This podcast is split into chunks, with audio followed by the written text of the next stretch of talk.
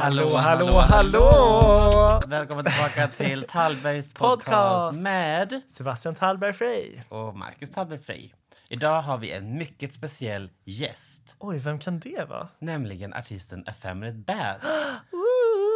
Mm, det ska bli väldigt intressant att höra vad artisten har att säga om eh, sitt nya, Alter ego? Nej, men Al- sitt nya jag. sitt nya musik, eh, arrangemang, singlar, låtarna och allting sånt där.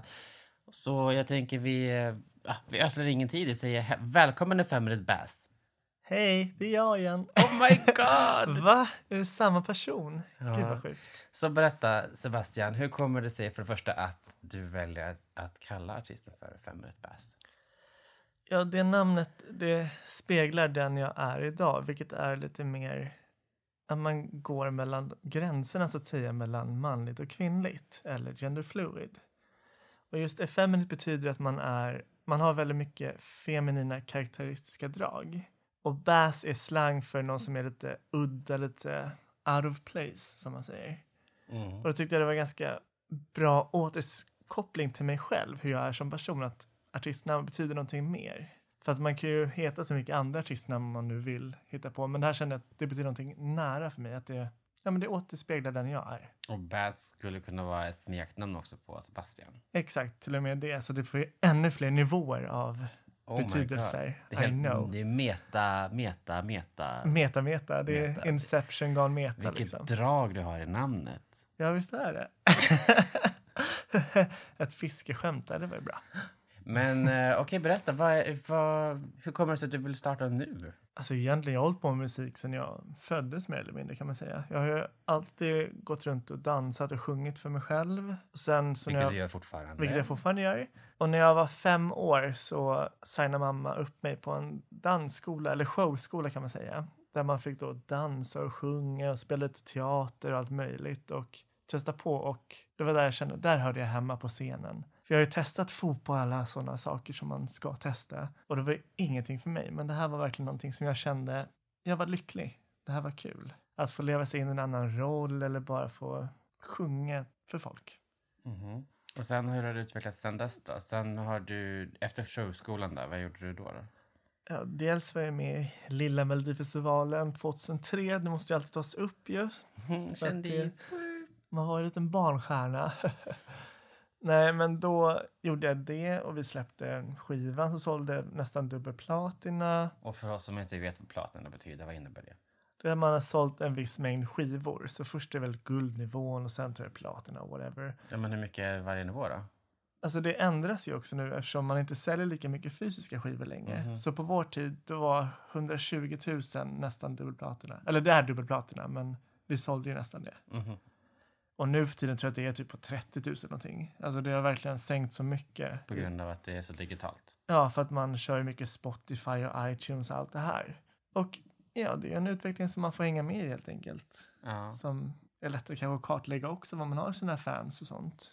Och ja, efter det så åkte vi på sommarturné och sen så släppte vi en till skiva där vi gjorde covers på kända schlagerlåtar som heter Lilla Schlagerfesten. Och det var roligt att göra det för jag älskar ju schlager också, Ja. typiskt nog. Och sen så har jag gjort lite andra musiksaker framöver och så. Jag heter ju Sebbe då som artistnamn. Mm. Och därefter så var mitt artistnamn Bastian. Som sagt, man utvecklas ju som människa och då kanske man, ens artistnamn får hänga med i fasen. Och där körde jag en del live-framträdanden. Jag åkte runt om i Sverige och uppträdde och hade ett jättebra liveband med mig. Och tävlade också lite olika tävlingar. Typ Next Big Thing hette det, jag kom på fjärde plats. Mhm. Och sen så åkte jag till USA en sväng där och pluggade på Musicians Institute och lärde mig så sjukt mycket just om låtskriveri, vilket jag har satt mig in i ännu mer och verkligen känner mig mer bekväm med att skriva låtar helt och hållet själv, för jag har alltid gjort det med samarbetspartners, alltså med producenter och liknande. Att nu har jag liksom äntligen hittat den rösten jag är idag och den jag vill vara idag. Så det har verkligen varit en lång resa, tagit många år och många, vad ska man säga, många ny försök om att återuppväcka sig själv i Mm. artistvärlden. Och så då är vi framme nu till Effeminate Bass. Men vad är Effeminate Bass nu då? Ja, det är en queer genderfluid popartist som kommer ta över världen. Ett steg i taget. Okej, berätta, vad är det för typ av... Alltså pop sa du ju, men vad är, kan du inte berätta mer? Pop känns som att det är väldigt brett. Ja, men det är det som är grejen. För att när man skriver låtar, man kör oftast inte bara ett stuk. Man blandar in olika element, olika rytmer, olika känslor och sånt som kommer från olika delar av världen. Mm. Och de låtarna som kommer komma ut framöver snart, det är dels en som är lite mer disco-pop-betonat, Mm. en som är lite mer elektro-pop-betonat och lite mer sånt. Så det är blandat och en kör lite mer gospel-inspirerat i också. Mhm. Inte jättemycket gospel, men lite små i kören och sånt. Det är väldigt blandat det jag gör. Det känns men ändå pop. splittrat, eller? Det känns lite splittrat. Vad, Men när man väl hör det så känns det mer sammanvävt, kan jag tänka mig. Kan du tänka dig, eller är det så? Det jag menar, jag tänker så här, kommer eh, lyssnarna tänka så här, ah, men gud vad det är många olika musikstilar eller det är lite splittrat eller hur? Nej, för att grund och botten är ju ändå pop. Och det är det man får komma tillbaka till. Jag menar, alla artister nu för tiden, till exempel Rihanna, hon har gjort så mycket olika genrer. Mm. Pink har ju också liksom gått en fas, allt från R&B till rock till pop till allt möjligt. Mm. Så att man ska inte vara rädd för att våga prova nytt, men det kanske inte ska vara så extremt. Och det är det jag har valt att inte göra nu i början, att jag har inte gått så jätteextrema håll. Mm. Den är sammanfattad inom poppen. Just det. Så, eh, men när kommer vi få höra det då? Vi kommer få höra det. Första mars kommer första låten komma. Så jag kommer släppa som singlar då. Och just nu så är det sista fasen här med låtarna, så det är verkligen kul att det äntligen är på väg. Man har ju väntat på det så fruktansvärt länge. Och om man vill följa dig, se det, var, var hittar man Ephemerate liksom? Det, det är Instagram och allting. Het, vad heter du där? Dels har jag min hemsida, effeminatebass.com. Sen har jag Instagram, där heter The Infeminate Bass. För att Effeminate Bass var upptaget redan, Jaha. vilket är typiskt. Man blir så här, ah, att någon annan kommer på det.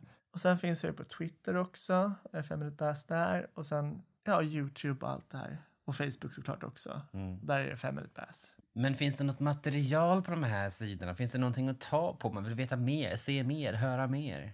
Ja, nu till en början finns det mest bara bilder på mig.